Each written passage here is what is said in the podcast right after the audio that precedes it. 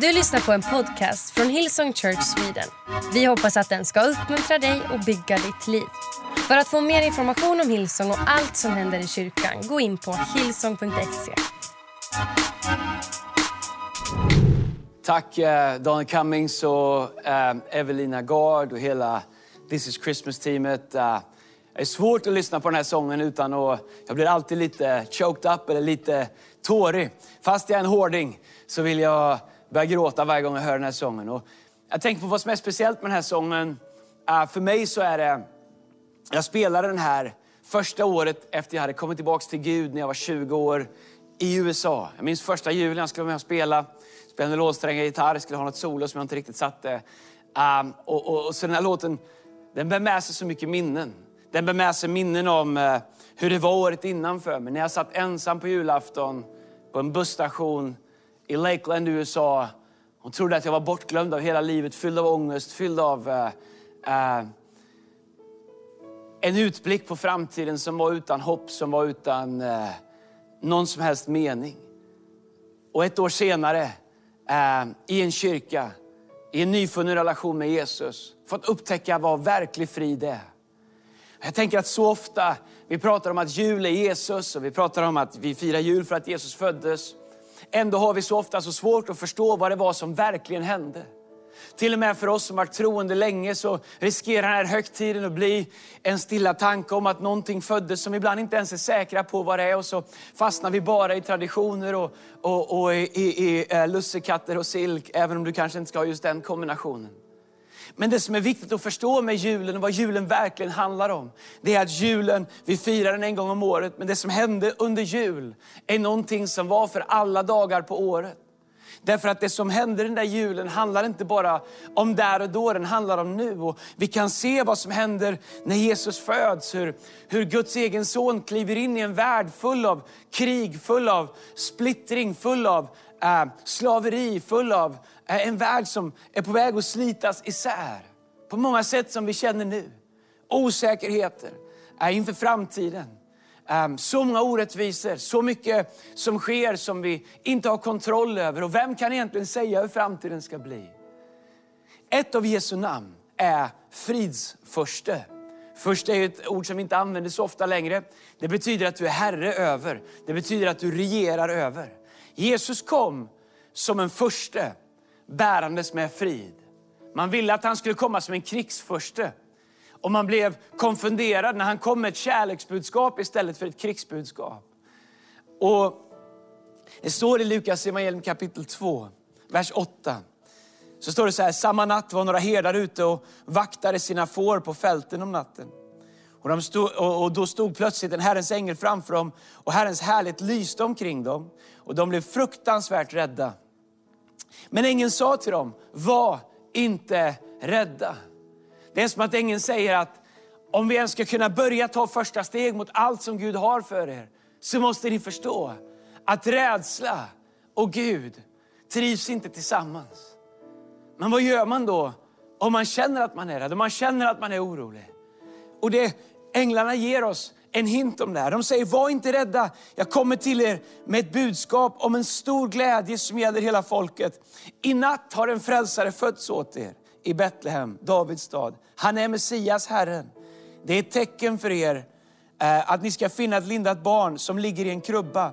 Och plötsligt var ängeln omgiven av en stor himmelsk här som prisade Gud.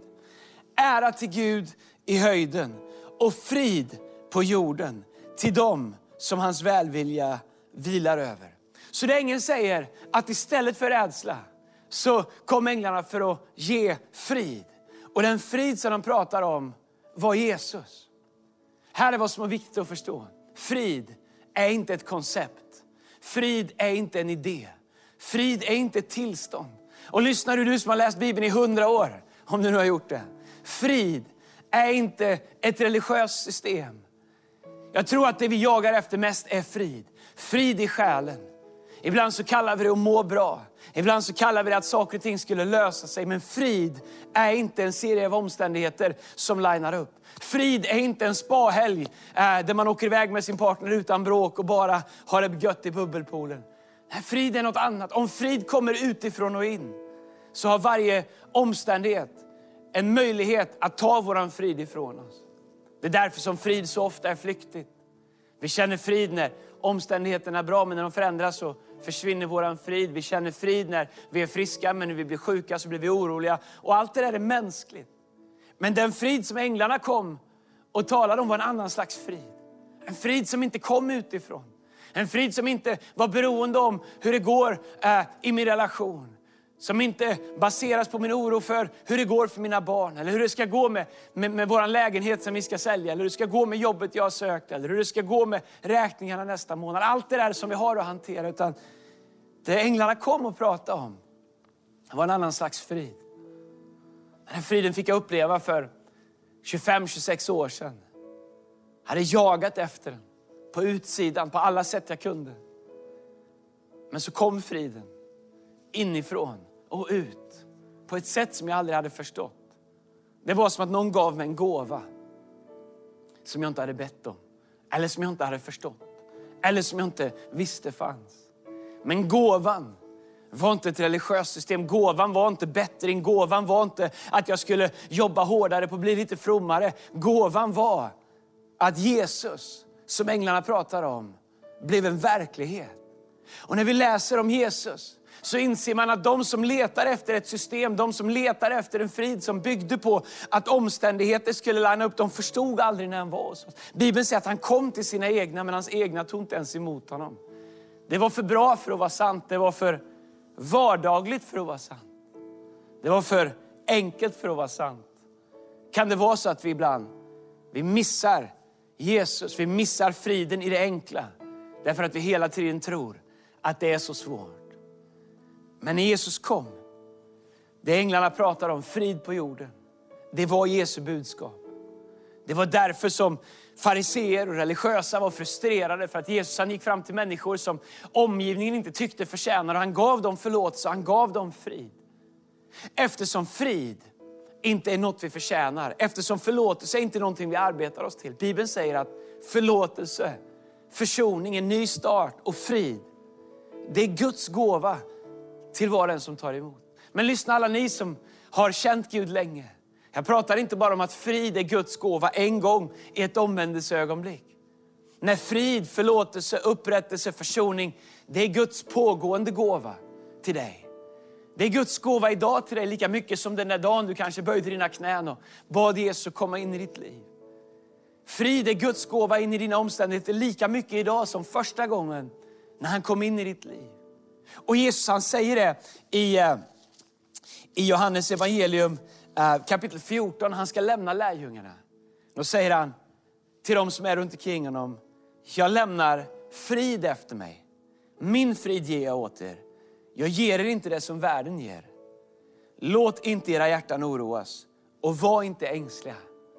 Jag älskar att Jesus, det sista han gör när han ska lämna lärjungarna, när han ska åka tillbaka till himlen, när han säger, hej, änglarna deklarerade, frid var med er när jag kom. Och låt mig nu säga det sista innan jag lyfts upp till Fadern. Han säger, jag lämnar frid efter mig. Han säger, min frid ger jag er. Inte den som världen ger. Inte den som bygger på att du har kontroll över allting i ditt liv. Inte den som bygger på att du, har, att du förstår hur framtiden ska gå. Inte den som bygger på att, att eh, allting går som du har tänkt. Nej, det verkar som att det finns en annan frid som övergår. Paulus säger att den övergår allt vårt förstånd. Och det är min bön att du skulle förstå att där du är idag, vem du än är, vart du än befinner dig. Om du är pastor eller du hör om det här för första gången.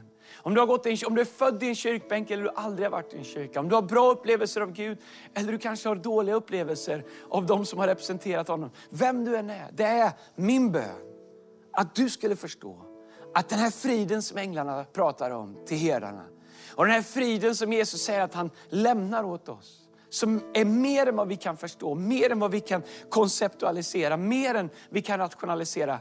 Som inte är omständigheter som vi förstår, utan som är en gåva vi tar emot. Att du skulle förstå att den är för dig. Jesus han säger det, medan vi alla var syndare, så dog Jesus för våran skull och utgav sig själv för oss. Så den här friden är en person. Det är inget koncept, det är ingen inte omständigheter som är som vi vill. Den här friden är närvaron av Jesus i våra liv. Och ju mer Jesus får vara närvarande i våra liv, ju mer kommer hans frid etableras och dominera vårt inre. Jag upptäcker i mitt eget liv, ju mindre utrymme jag ger Jesus, ju mindre uppmärksamhet jag ger honom, ju mindre plats jag ger honom i mitt liv, ju mer vill fruktan, rädsla, oro, tvivel, ovisshet vill ta över och krampa sig fast i mitt hjärta. Men ju mer jag vänder mig till han som är frid, Guds och himmelens gåva in i mitt liv och bestämmer mig för att lita på och vila i en frid som är mer än vad jag ens kan förstå. Guds gåva till mig. Ju mer kan jag vila trygg i att Gud är den han säger att han är. Och han kommer fortsätta att hålla mitt liv i sin hand på samma sätt som han kommer hålla ditt liv i sin hand. Jesus, han kom till oss på jul. Men han kan bo i våra hjärtan från första ögonblicket vi välkomnar honom och varje dag i vårt liv. Och det är min bön, vem du än är, att du skulle påminna dig om den här friden. Att du skulle låta friden på nytt komma in i ditt liv. Att du skulle överlämna ditt inre till Gud, till Jesus. Att du skulle leva i den här gåvan. Att du kanske skulle för första gången säga ja till den här gåvan. Och faktum är att jag skulle vilja avsluta med att be en bön. Jag skulle vilja be för dig som aldrig har sagt ja till Jesus. Du förstår att jag kan göra det här hur flummigt som helst och säga att Gud han är som ett träd, han är som en äng och han är som blommor och det är han säkert. Men vet du vad han också är? Han är en god fader som gav sin enda son i utbyte för hela världens synd. Jesus kom ner hit, han tog all synd på sig. Han gav sitt liv på ett kors. Bibeln säger att han blev gjord till ångest. Han tog allting på sig. Allt vad vi hade gjort tog han på sig. Och när han dog och uppstod så gjorde han det för våran skull, för att kunna ge oss förlåtelse. Därför så kan han ge oss en frid som ingen av oss förtjänar. Bibeln säger att Jesus är Guds gåva till mänskligheten. Och så säger Bibeln att åt var och en som tar emot honom har han gett rätten att bli Guds barn. Så det är inte åt var och en som förstår honom fullt ut, var och en som kan rationalisera honom, var och en som kan sätta honom i alla fack som finns. Nej, allt du behöver göra är ta emot honom och säga Jesus, jag vill ha din frid. Jesus, jag tar emot din förlåtelse.